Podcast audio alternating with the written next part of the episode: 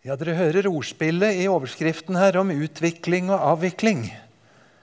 Det er jo et alminnelig sånn uttrykk. Hvilken vei går utviklingen? Utvikler det seg slik eller sånn? Og Hvis du virkelig tør å svare et svertslig menneske rett ut at jeg tror utviklingen bærer lukt mot avvikling, skal tro hva det lager av tanker. Og så er det altså ikke Bibelens budskap at Gud skroter verken menneskene eller skaperverket sitt. Det er en ny himmel og en ny jord. Den første himmel og den første jord er veket bort, og havet er ikke mer. Så det er absolutt et brudd. Men det er altså en tendens som menneskelig sett drar mot en avvikling, og som likevel det er Gud som styrer. Og så er det mer å si enn at det bare avvikles. Jeg tror på legemets oppstandelse. Ikke bare for Guds folk, men for alle han har skapt. Og Det gjør jo også tanken på fortapelsen så uendelig tung å kjenne på. Hva venter oss i endetiden? Her har jeg hentet frem tre-fire tekster som bruker fire litt forskjellige uttrykk. Først ifra Jesus' store tale om endetiden i Matteus 24. Da sammenligner han alt det vonde som drar seg sammen på veien mot endetiden, med et veldig forståelig uttrykk av fødselsveer. Og det er voldsomme ting. Jeg er bare en mann og burde holde kjeft om sånt. Jeg har vært veldig nær min kone fem ganger 24 timer med veer og smerte. Det gjør inntrykk. Så sitter der. Og Jesus bruker uttrykket og forklarer det og sier at når det blir verre og verre av smerte, så er det fordi det er like før fødselen og det store vendepunktet. Når det blir sånn, skal du løfte ryggen frimodig og blikket opp. Og Så brukte Jesus uttrykket 'trengsel'. Det er jo at noe blir veldig trangt. Har du prøvd å presse deg gjennom en smal åpning som blir smalere og smalere.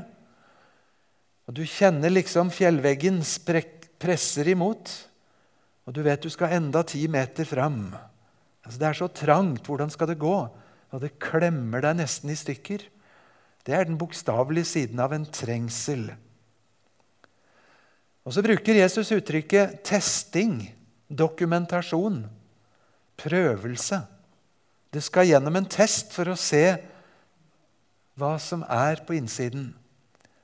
Og så er det en prøvelsens tid. Ikke bare sånn at det er moro å sjekke hvor langt jeg klarer et eller annet. Men det er den store, ikke bare lakmustesten, men vinn eller forsvinn. Også I Johannes' åpenbaring 16 så bruker altså Bibelen rett og slett ordet 'plage'. Det er jo et godt folkelig uttrykk. Det er en plage med det. Gud står altså bak i endetiden trengsler, veer, prøvelse, som Bibelen selv er enig i at la oss kalle det plager. Nå skal vi se på de konkrete trekkene som ligger bak sånne uttrykk. Hvis vi begynner med det store bildet og spør hvor er det disse trengslene skal ramme, så gjelder det naturen, og det gjelder folkeliv naturen som skal bli sånn at solen formørkes. Og et annet øyeblikk blir solen så sterk at den brenner menneskene så de pines. Sol og stjerne skal forlate sin faste bane. Naturen skal bli ugjenkjennelig, hvor vannet blir til blod, ferskvannet blir til gift. Det slår byller ut på huden på menneskene. De pines som når de bites av en skorpion. Hele naturen er kommet i et ulag innimot endetiden som beskrives med veldig billedsterke uttrykk. Men også folkelivet. Den grenseløse egoismen hvor kjærligheten blir kald, hvor man melder seg ut av slekt og familie og drar rullegardina ned og skjermer sitt eget liv i sin egen stressless og fjernkontroll og underholdes av at verden går under hvor barn ikke lyder foreldre, hvor man ikke stoler på hverandre, hvor det er krig og rykter om krig. Og ens egne husfolk blir ens fiender, som Jesus sa. Det er ikke noe lyst bilde. I politikken, hvor også det skal skje ting som kan forskrekke. På den ene side konflikter, sånn at det er krig og rykter om krig.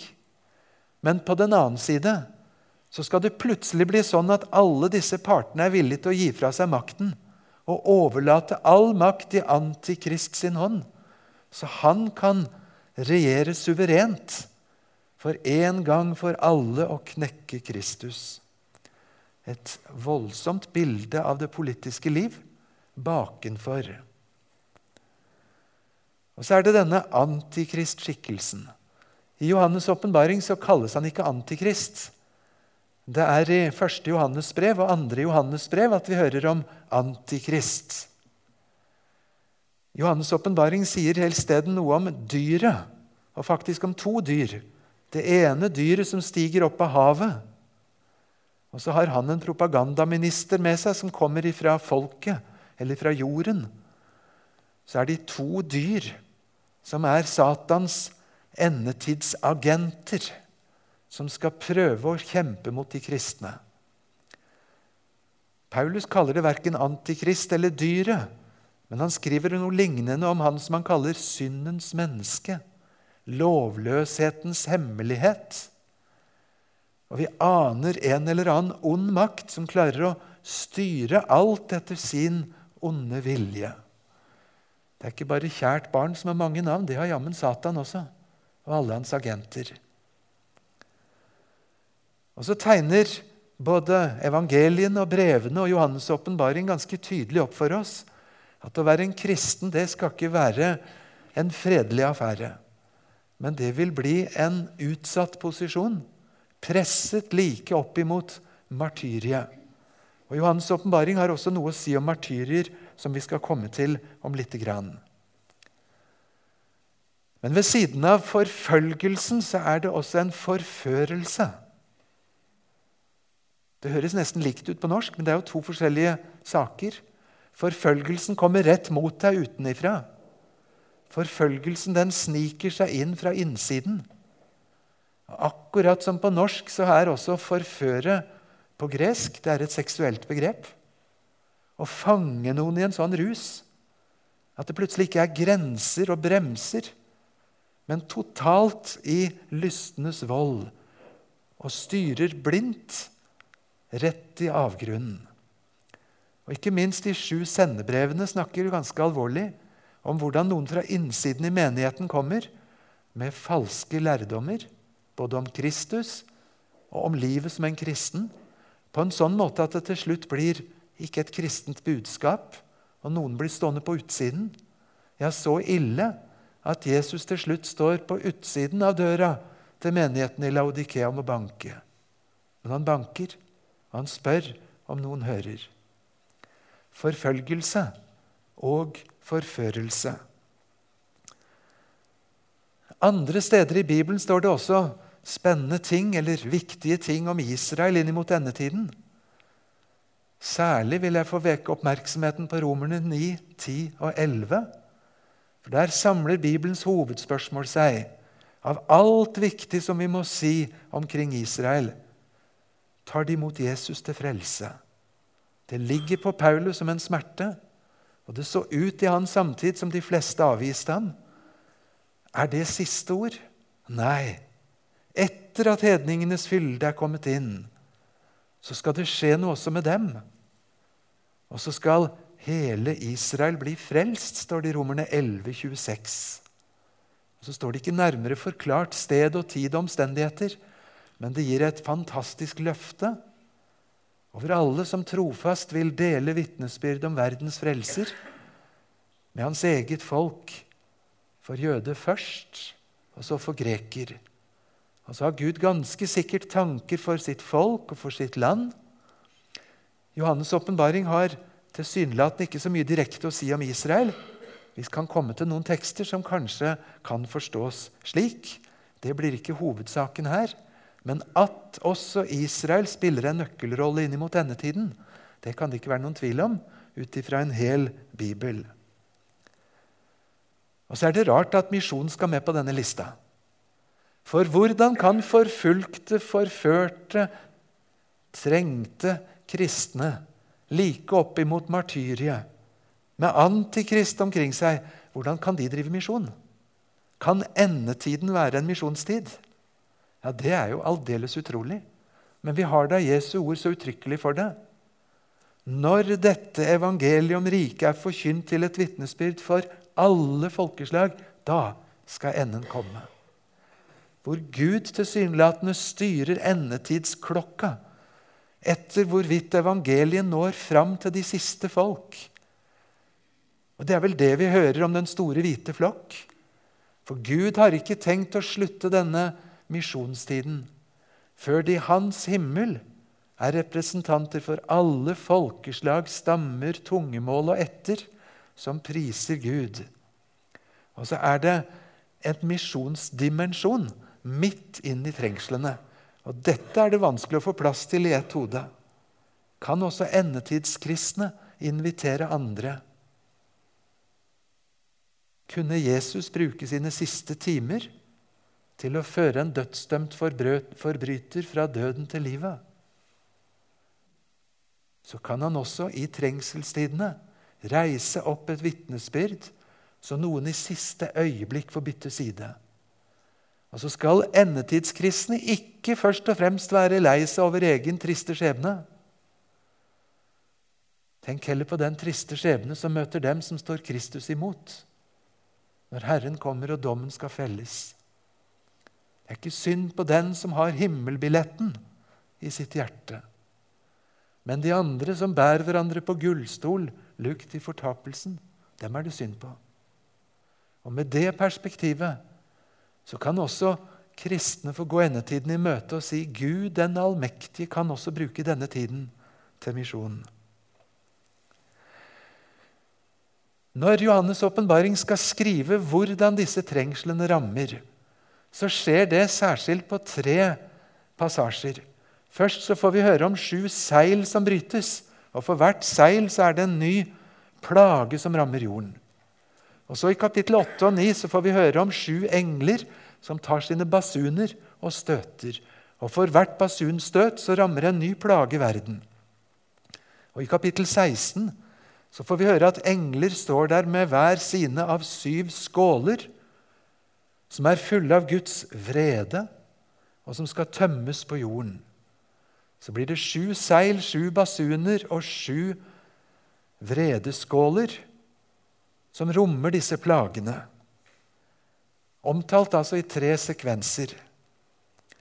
Hvis vi ser litt på den første av disse, denne boken som hadde sju seil Hver gang ett av dem rives av, så skjer det noe dramatisk. De første fire seilene introduserer hver sin hest med hver sin farge. Når det første seilet brytes, så er det en rytter som stiger fram på den hvite hest. Og Kanskje er det et sånt lite forvarsel om Jesus som rytteren på den hvite hest, som vi skal møte i kapittel 19 når Jesus vender tilbake for å hente sine. Men ganske mange tolkere tror det er det stikk motsatte at det er Satan som enda en gang er en apekatt og hermer etter Gud. Og later som han kommer, men han kommer egentlig bare for å ta freden fra jorden. Vi vet ikke sikkert. Den andre hesten kommer altså når det andre seilet brytes, og den er flammende rød. Og Det er for å ta bort freden fra jorden. Utviklingen går mot krig. Rykter om krig den siste store. Og det brukes ikke noe snillere uttrykk enn rett og slett at de skal slakte ned. Hvor mennesket blir til slakt fordi krigen ikke kjenner noen grenser for sin bestialitet. Og Med det tredje seilet så kommer den tredje hesten, som er svart. Og Der står det om en som er ute og driver handel. Og handelen er blitt så ute av balanse at prisen for en liter mjøl eller noe du kan spise, den er nesten sin egen vekt i gull. Da skjønner vi det er ikke fred på jord. Skal du ut og handle mat, så er prisen for mjølet eller olivenoljen eller det du trenger, det er omtrent sin egen vekt i gull. Slik skal det bli. Og når den fjerde hesten rytter fram, så er det en gulblek hest som signaliserer pest, og som kommer med et eller annen smitte som menneskene åpenbart er livredd for. En pest som skal drepe både med sverd, hungersnød, pest og jordens ville dyr. Vi skal ikke dra dette mye lenger ut, men vi aner retningen. Trengsler, fødselsveer, plager. I forskjellige tegninger er disse rytterne forsøkt fanget inn da, visuelt. Jeg vet ikke hvor vellykket vi skal si det er, men sånn har noen sett det for seg. Jeg tror dette er en litt mer moderne versjon enn i Luthers bibel. Da blir de liksom litt mer sånne middelalderriddere som er klar for krig. Men vi aner noe av den samme virkeligheten bak. Når vi hører om syv pluss syv pluss syv runder med plager, så kan vi lure på om Johannes' åpenbaring legger dem etter hverandre, sånn at det er 21 spesifiserte runder med plager. Eller er det en rekapitulasjon hvor det går om igjen? Eller er det sånn at først så kommer det seks seil, og det syvende seilet består i sju basuner? Og den sjuende av basunene består i sju vredeskåler. Dette vet vi ikke. Gud er herre over sitt ord.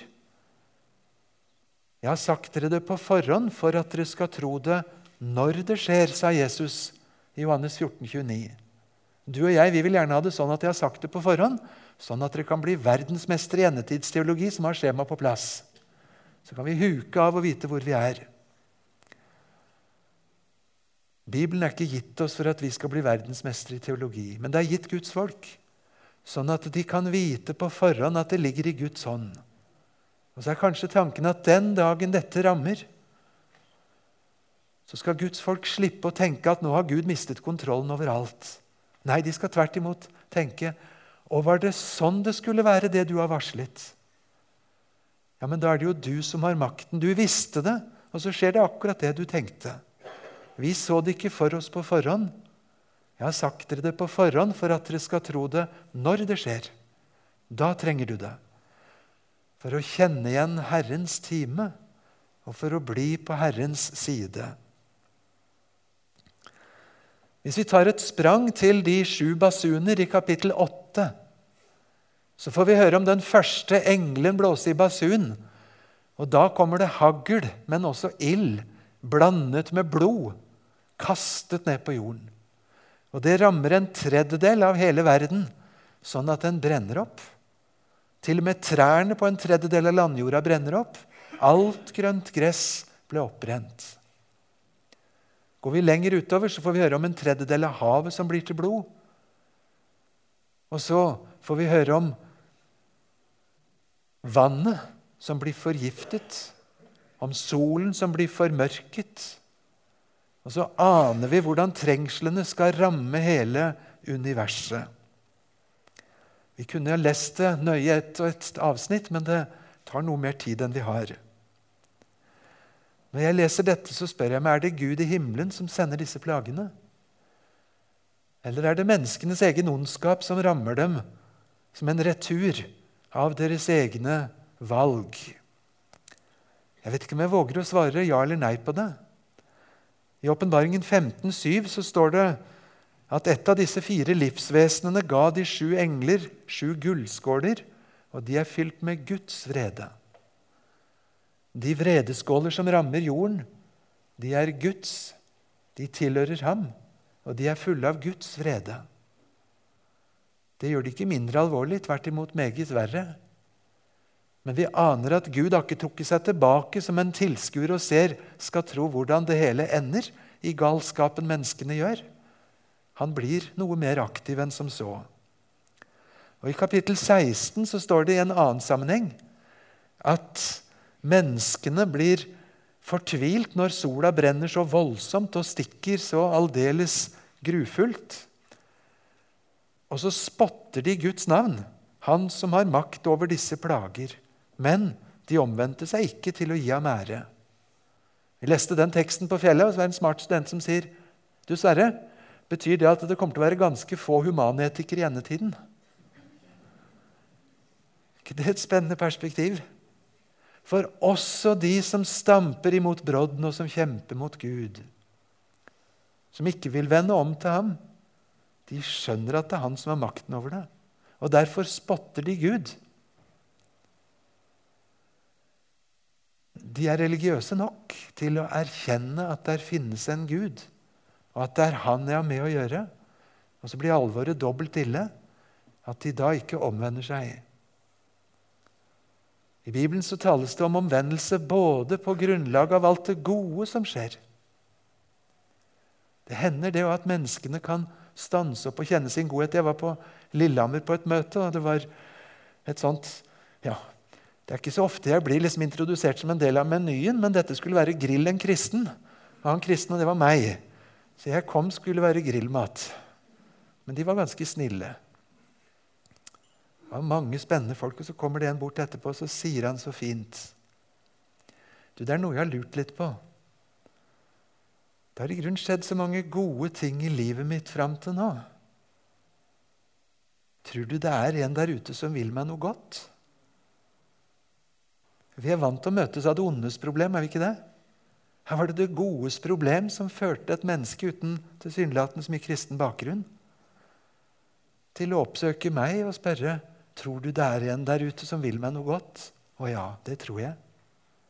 Vet du ikke at Guds godhet driver deg til omvendelse, skriver Paulus i Romerne 2,5. Men så kan det også være motgang som fører mennesker til Gud. Her kommer motgangen, og de skjønner adressaten. Men de omvendte seg ikke, men de spottet ham. For den som bygger til Lego, så kan det se sånn ut. Når teksten forteller om konger og stormenn og hærfører, rike og mektig, slave og fri, alle sammen, som er så redd for Gud når Han bryter seilene, at de løper til fjellene og roper 'Vær så snill, fjell', løfter opp og fall over oss og knus oss, heller enn at vi skal stå her naken innenfor Guds vrede og lammets vrede. En veldig sterk tekst om hva fortapelse er. Ikke bare at Gud er blitt borte, men at Gud kommer så plagsomt nær. Og For den som ikke har Jesu blod å skjule seg bak, så er det ikke Guds fravær, men den hellige Guds nærvær som bringer dem til dette fortvilte ropet. Vær så snill, fjellene. Løfter opp og fall over oss og knus oss vi blir borte. Heller enn å stå her innenfor Guds vrede og lammets vrede. Det er sterke tekster som viser et alvor. I Luthers bibel så ble dette tegnet sånn. Vi aner en virkelighet der oppe, over hvelvingen, der englene er hos Gud, og der hvor de har fått hver sin basun. Og når de blåser, så rammer det med ild og fordervelse ned på menneskenes verden. Når du og jeg spør oss når vi leser dette, hvorfor kommer disse plagene, hva er vitsen? Så tror jeg ikke vi finner et klart svar i Bibelen. Vi kan kanskje tenke oss noen muligheter. Kommer endetidens trengsler som en straff ifra Gud, en forhåndsstraff? Er det noe som skal vise Guds makt på en sånn måte at menneskene blir konfrontert med Gud og våkner? Er det ment for å vekke opp de uomvendte, sånn at de vender om? Eller er dette begynnelsen på slutten? At Gud er i ferd med å rulle sammen verden sånn som et gammelt klesplagg rulles sammen og kastes på ilden, slik det står i Hebreerne 1. Er dette uttrykk for Guds tukt? For Guds prøvelse? Er det Han som vil rense sitt folk? Eller skjer dette mest med tanke på de andre? Jeg kan ikke se at Johannes' åpenbaring gir oss en sånn samlet forklaring. Det er bare så vidt jeg våger å antyde muligheter på veggen her. Men slik spør i hvert fall jeg meg. Hva skal det være til med disse plagene og trengslene? Altså jeg er blitt veldig glad i et sånt litt spesielt uttrykk som gamle kristne brukte før. Når det kom opp sånne store spørsmål om hva skal skje og hvorfor, så sa de til hverandre vi sitter for lavt til å kikke Gud inn i hans fremtidsbok. Vi vet ikke. Vi er som mauren innerst i maurtua, som tror den skal løse alle mysterier om stjerneveier og galakser. Vi har ikke forutsetninger, vi er blinde. Og så er det likevel klagesalmer nok i Bibelen til at vi forstår at Gud inviterer oss til å kaste på ham vår sorg, våre spørsmål. Han tåler at vi spør. Og så er det ikke gitt at vi får akkurat de svara så fort som vi tenkte. Men Johannes' åpenbaring gir oss også veldig sterkt inntrykk av at Satan er aktiv i endetiden. Og det kan se ut som han har rikelig med kraft og rom der han kan herje. F.eks. i Åpenbaringen 2.10, hvor det står at se, djevelen skal kaste noen av dere, altså dem som hørte til i Guds menighet, Djevelen skal kaste noen av dere i fengsel for at dere skal bli satt på prøve, og dere skal ha trengsel i ti dager. Ti dager var ikke lenge, tenkte du. Noen som har tannverk i 240 timer, vil lete på å si at det var ikke stort å bry seg om. Nei, om det er bokstavelig å forstå, så er det sikkert ikke som en hel evighet eller tusen år. Men hører du når det står ti dager? at det er en høyere enn Satan som bestemmer hvor lenge han får lov å holde på. Så skal Satan få lov til å herje og gjøre ting som ikke vi syns han skulle. Men han får lov derfra til dit, og så er det slutt. Hvem setter den begrensningen på ti dager? Det gjør Gud i himmelen. Jeg har også mange ganger lurt på hva det var for en kommunikasjon fra Jesus til Peter skjærtorsdagskvelden midt i nattværinnstiftelsen. Mens disiplene krangler om hvem som er størst, så sier Jesus, du, Simon, Simon. Satan krevde å få dere i sin vold for å sikte dere som veite. Men jeg ba for deg, Petter, at din tro ikke måtte svikte. Når du en gang omvender deg, så skal du styrke dine brødre. ikke det en rar tekst? kan Satan kreve å få Jesu tolv disipler i sin vold, så de blir like hjelpeløse små som en halv kilo mjøl som du legger i sold, og så rister du det sånn at det snør så fint ned, luftig, fint mjøl til baksten. Du, Peter, blir så liten, og du er i Satans hånd. Så du blir som det lette mjølet som følger tyngdeloven langsomt ned mot der det skal lande. Satan krevde å få dere i sin vold for å sikte dere som veite.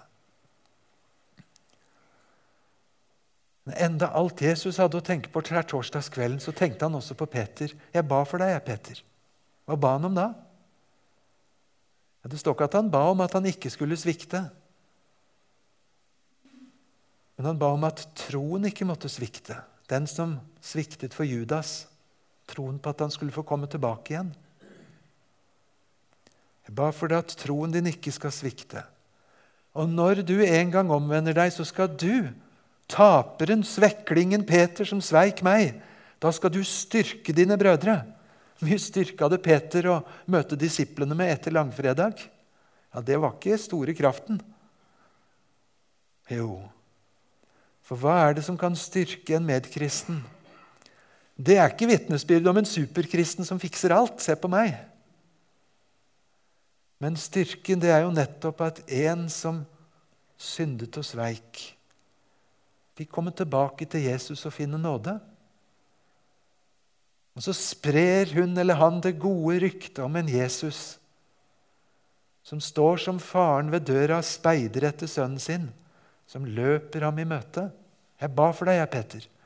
Til og med i kveld når jeg hadde så mye å tenke på med meg sjøl, så ba jeg for deg at din tro ikke måtte svikte. Når du en gang omvender deg, så skal du med ditt vitnesbyrd få styrke dine søstre og brødre ved å fortelle dem om at det var nåde hos Jesus enda en gang. Du får komme for tusende gang. Jo, djevelen skal åpenbart også være aktiv, han får et rom for aktiviteten som kan forskrekke oss. Luther sammenligner det med en olm, sint kjøter av en hund, som er folkevond tvers igjennom. Det er djevelen. Men fra Golgata så har Jesus lagt ham i lenke. Og så er Satan blitt Guds lenkehund. Og så kan han glefse og true innenfor det området som er langt nok i forhold til lenken, men ikke en centimeter lenger. Er verdens fyrste vred og vil å støte ned. Han ingenting formår, fordi alt dømt han går. Ett Guds ord kan han binde. Han kommer hit, men der han møter Guds ord, så er selv hans makt avgrenset. Så får vi altså et inntrykk av at vi har med Gud å gjøre i endetiden, men også med Satan skal ikke Gud stanse denne uretten. Vi skal ta med bare én ordentlig side til, og det gjelder martyrene. For midt inne i Åpenbaringen 6 så får vi et sitat som er ganske spesielt. Vi får nemlig høre hva martyrene roper i himmelen. Ja, for martyrene de er allerede da i Guds himmel. Og de befinner seg under alteret. I det gamle pakt var det jo sånn at når man ofret på alteret, så ble blodet først tappet av og ført ned under alteret. Og dyrenes liv eller sjel, det lå i blodet, altså under alteret. Nå får Johannes se. Rett inn i Guds himmel, det sjette seilet. Det handler om at noen roper. Martyrene roper til Gud. De roper med høy røst og sier, 'Du hellige og sanddrue, hvor lenge skal det vare før du holder dom og hevner vårt blod på dem som bor på jorden?' Betyr det at martyrer roper i himmelen akkurat nå på hevn og får lov til å hevne seg? Legg merke til hvordan det står. Når skal du holde dom? Når skal du hevne vårt blod? Det står ikke 'når skal vi få hevne oss'. Det gjør ganske stor forskjell. Hevnen hører Herren til. Men det kommer en hevnens dag som rammer hardt. Men her sier martyrene altså hvor lenge skal det vare før du holder dom og hevner vårt blod på dem som bor på jorden? Hvilket svar fikk de i himmelen? De får på en måte to svar. Det første svaret Hver av dem fikk en hvit kjortel. ikke det et rart svar? Kanskje forteller det oss at også martyrene har den samme himmelkledningen. Den er vasket ren i Jesu blod. De sjarmerte seg ikke til himmelen på sin egen sjarm. De kvalifiserte seg ikke gjennom et langt kvalifiseringsløp. Jesus kvalifiserte dem, samme drakten som alle de andre i den store hvite flokk. Det første svaret er frelsens gave. Din tilhørighet i den evige, store hvite flokk. Og det andre svaret det er litt mer verbalt. De skulle slå seg til ro ennå en liten til, tid inntil tallet på deres medtjenere var fullt. De som skulle komme til å bli slått i hjel på samme måten som de. Var det et hyggelig svar? Det betyr at Gud i himmelen har kontrollen i den forstand at han har satt et tall, også for martyrene. Nå skal dere vente enda litt. Tall er ikke helt fullt. Da jeg var liten, så lærte vi en fin sang om at Jesus har en bok i himmelen, snart så er den full av navn. Her blir vi introdusert for en slags annen bokføring òg. En martyrbok. Det forteller i hvert fall meg at det er Gud i himmelen som har kontrollen også over hvor mange martyrer det blir de som blir drept bak medielyset, der ingen ser, ingen vet. Der de aldri blir rapportert, og der Jesu motstandere hoverer etterpå og tilsynelatende aldri blir holdt til ansvar. Gud ser, Gud vet. Hans bok har registrert. Og så ligger det i hans ånd hvor lang tid det skal dra. Og så spiller martyrene en, en viktig rolle i én tekst til i åpenbaringen, som vi kan komme til noe senere. Og Det er i forbindelse med de tusen år. For det rare er at dem det står mest tydelig om, som skal regjere sammen med Jesus i de tusen årene, det er martyrene. Det er de som ble halshogd for sitt vitnesbyrd om Jesus sin skyld. Og Så er det enda en par andre tekster, men martyrene de har en stemme og et navn eller en virkelighet i Guds egen himmel. Vi må ikke snakke for lettvint om forfølgelse og martyrie. Det er en forferdelig virkelighet. Jeg tenker med skam på hvordan jeg som sånn 12-14-åring Når jeg hørte om jernteppet hvor kommunistene pressa de kristne og i visse tilfeller drepte de, så steig det opp en sånn hovmodig tanke i lille meg at hadde jeg vært der, så skulle jeg vært en frimodig kristen. Som om det skulle være lettere å vitne om Jesus hvis det kosta meg livet, enn når det nesten ikke kostet noen ting. Jeg vet ikke om andre har tenkt sånne tanker. Sannheten er at det er ikke alle kristne som står fast når trengselen kommer. Noen faller fra.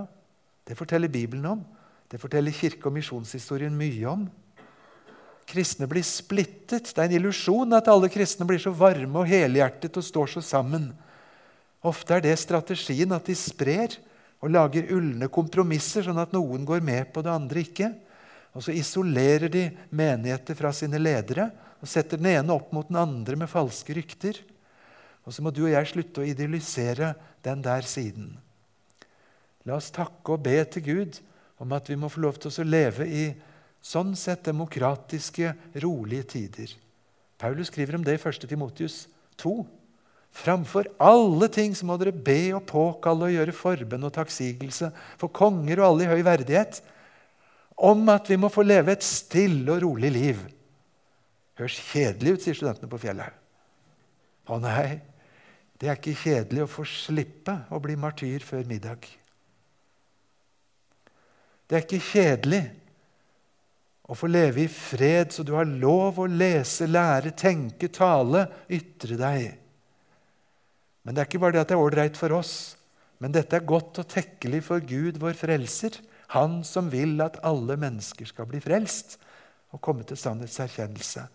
For at evangeliet skal få løpe fritt, så sier Gud vi skal be om fred og gode forhold og takke Gud for den fredstid vi har og samtidig leve med dem som opplever disse trengsler. Og så kan det komme. La oss ikke idyllisere det på forhånd. La oss legge det i Guds hånd. For det er noe med disse tankene. Skal de kristne slippe trengslene? Ja, Det har jo kommet noen teorier om at kristne skal slippe alle trengsler, og noen sier noen trengsler. Spørsmålet om bortrykkelsen skal vi ta opp litt i morgen. Det står klart i Bibelen at noen skal rykkes opp i skyer og møte Herren og alltid være med Han. Så At der skal komme en bortrykkelse, er det ingen tvil om. Men at den skulle komme i forkant på en slik måte at alle kristne, eller de fleste kristne, skulle slippe enhver befatning med trengslene, det kan jeg vanskelig se er Bibelens lære. Jeg kan jo ikke si annet enn at er det sånn Gud vil gjøre det, så, ja, så vil jeg jo takke for det. Hvem av oss har lyst til å være på en jord i trengsel? Men er det nå ikke det Gud har sagt, så skal ikke jeg på forhånd lage meg en illusjon om at det går like forbi. Vi kunne ha spurt rett ut. Kan ikke Gud ta oss bort før trengselen? Og det kan han. Og noen vil sikkert dø før trengslene kommer. Men er det ikke Bibelens grunntanke fra begynnelse til slutt? At Gud sparer ikke sitt folk fra vansker, men han lover å gå med dem. Og han går med dem gjennom trengsler. Og Så skal ikke jeg gjøre noe forsøk på å si at det bare må være sånn at kristne på jorden skal oppleve alle disse trengsler eller noe slikt. Jeg vet ikke hvor det ligger. Men jeg kan vanskelig se annet enn at der er tekster nok som forbereder oss på en trengselstid også for Guds folk. Skulle det komme, så skal vårt håp være at jeg er med dere alle dager inntil verdens ende.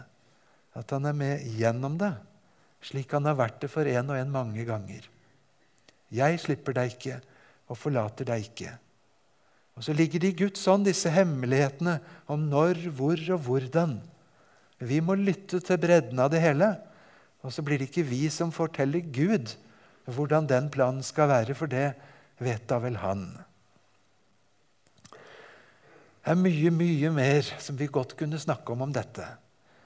Vi skal bruke en liten tid til noen spørsmål hvis noen har lyst til det, eller et tilsvar hvis, hvis dere har trang til det. Men skal vi kanskje synge, om ikke mer enn det første verset på denne salmen, som nettopp plasserer Guds makt, Guds trone, midt i kampen og midt i motstanden.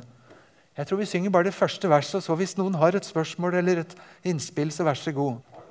Rekker opp hånda, så vil jeg komme med mikrofonen, slik at både Sverre og Sander kan få høre det. Først eh, takk, Sverre, for eh, to fine bibeltimer. Vi ser fram til å følge det videre både i morgen og på søndag. Eh, eh det er ofte ei, For mange så tenker kanskje at Johannes' åpenbaring er en skremmende bok. Men samtidig som du har fått løfta fram at det, det er en bok der det går mot en viss seier, som, er, som vi skal få lov til å stole på midt i alt. Og så et spørsmål som vi satt litt med, som, som, du kan si litt om, kanskje. Det er når det at eh, plagene kommer, eh, jorda skal gå mot en undergang, naturen skal rammes Hvordan skal vi da forholde oss til å naturvern, arbeidet for fred. Vi vet kriger kommer. Hvordan skal vi midt i dette forholde oss til det? Skal vi tenke at ok, det går som det går, det er ikke vits at vi gjør noe? Eller skal vi arbeide for fred og for, for uh, å ta vare på Guds skaperverk? Når Gud i himmelen har lagt sånt arbeid i å skape vår verden, ned i den minste detalj, med skjønnhet, med samspill. Skulle vi da tenke at dette kan vi bare trampe på, og være likeglade med og gjøre med som vi vil? Når Gud i himmelen skaper en verden i balanse og harmoni og skjønnhet, skulle da vi, som kalles hans folk, være likeglade eller kanskje motarbeide det som han har lagt inn i det? Jeg har latt meg fortelle at det er ca. like mange atomer i ett gram med kull som det finnes sandkorn på hele kloden, inkludert Sahara. Og tallet matcher tallet på stjerner som forskerne til i dag kan beregne innenfor det universet de kan vite noen ting om. Guds storhet i det makrokosmos og i mikrokosmos. Og Stemmer det det at det i løpet av én sånn bibeltime som dette, så er det en million eller to røde blodlegemer i kroppen på hver av oss som er skilt ut? Og så er det dannet noen nye for å erstatte de.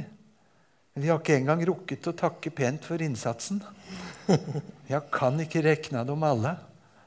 For de er jo Guds utsendinger. Har du husket å takke Gud for hver av de røde blodlegemene som gjør at du lever fra øyeblikk til øyeblikk? Takke Gud for blomstene som kommer på våren. Det høres for meg ut som en helt absurd og ateistisk tanke at jeg skulle ha en likegladhet til dette. Og Hvis det er sant at menneskene nå har tatt underlagt seg jorden i så stor målestokk at vi i noen grad også kan være med å påvirke noen balanser, jeg vet ikke, Lokalt kan vi jo i hvert fall det. Så høres det ganske skremmende ut, og jeg har i hvert fall ikke lyst til å være på den siden. I Kirken så står vi opp og sier jeg tror på Gud Fader, den allmektige som skapte himmel og jord. Det er Han som laga det. For meg blir det aldeles meningsløst å skulle bli like glad med det. Og Likevel så er det enda mer maktpåliggende at de menneskene som skal leve forbi den dommedag, må få kjenne Kristus. Men å spille de to ut mot hverandre blir også ganske meningsløst, for vi Vi skulle jo få lov til å arbeide i samsvar med Gud og ikke mot ham. Det ville være mitt tilsvar.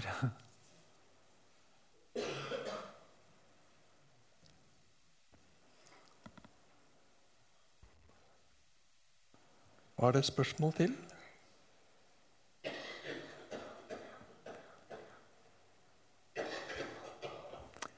Dette er ikke bare et spørsmål om å få endene i misjonen til å møtes, men møtene må endes også. Det er også et poeng. Takk, Sverre, for alt du delt med oss i kveld. Jeg har også lyst til å si takk for de svarene du ikke gir. Som kommer. Ja, hva betyr dette i vår tid? I, i det, nærmeste tiåret? De svarene har du ikke gitt, men du har pekt på hva ordet sier, åpner ordet for oss, fører det oss dypere inn i det, slik at det kan komme dypere i oss. Vi fortsetter bibelhelga i morgen klokken 18 og 19.30. 1930, Da er det en betydelig yngre enn meg som skal stå og lede, for da er det ungdomsmøte. Men ungdomsmøtet i bibelhelga er åpen for alle. Ingen aldersgrense, verken oppad eller nedad. Tvert imot så sier ungdommene at de ønsker mer kontakt med de som har litt flere år på baken. Så vær frimodig til å komme både klokka seks og klokka halv åtte, og søndag på gudstjenesten klokka elleve og bibeltime kvart på ett. Sverre Bø er med på alle samlingene. Jeg har lyst til at vi skal avslutte med å reise oss og be bønnen Jesus har lært oss i dag.